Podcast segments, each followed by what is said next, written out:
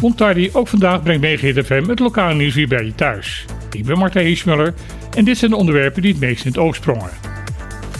Op 18 juni werd Bonaire opgeschrikt door een ernstig geval van brandstichting. Aan de pier van Sorbonne werd op die dag de vissersboot van Jan Hendrik Emeritiana in brand gestoken. De boot brandde volledig uit en werd daarmee onherstelbaar beschadigd. De consternatie daarover een beetje geluwd was en de politie onderzoek deed naar de toedracht van het incident, werd het duidelijk dat het verlies van zijn boot voor de visser Emeritiana niet minder dan een ramp was.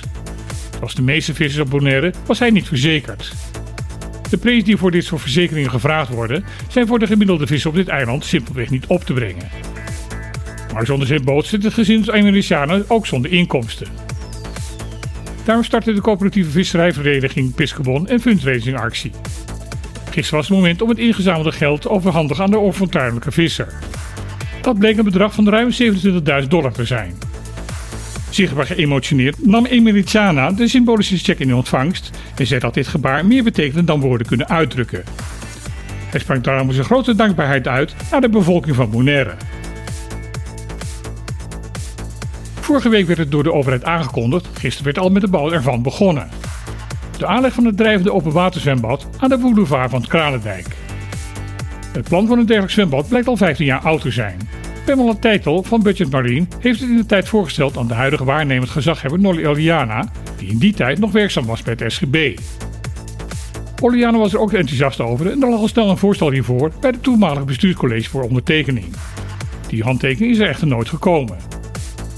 Volgens Teitel kwam dat omdat de indiener van het plan, Oliana, een andere politieke kleur had dan de toenmalige gedeputeerden.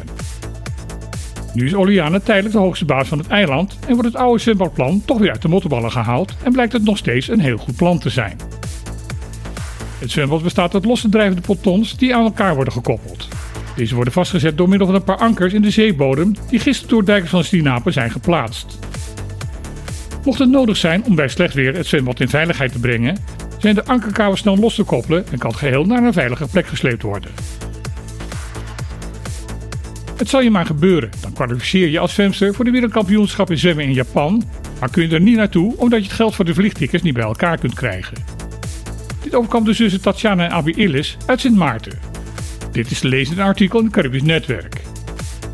Dit zou voor Tatjana de vijfde keer zijn geweest dat ze naar het WK zwemmen had gemogen, voorwaar een niet geringe prestatie. Maar waar het hiervoor wel lukte, ging het nu mis.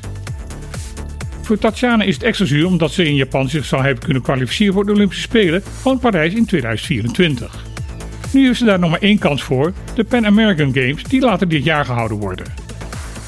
Volgens Tatjana is het een handicap voor haar en haar zus dat Sint Maarten geen actieve zwembond heeft. Daardoor moeten de zussen het helemaal zelf doen. Dus ook de financiering van hun sportieve activiteiten.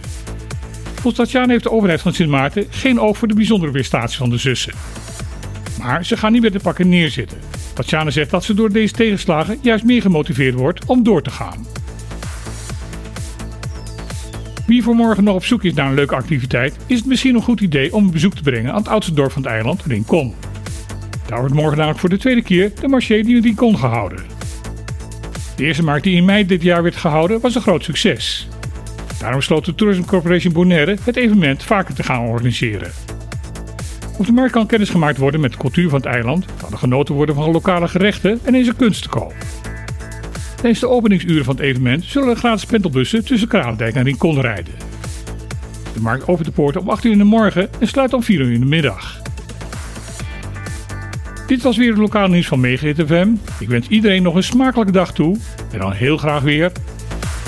Tot morgen!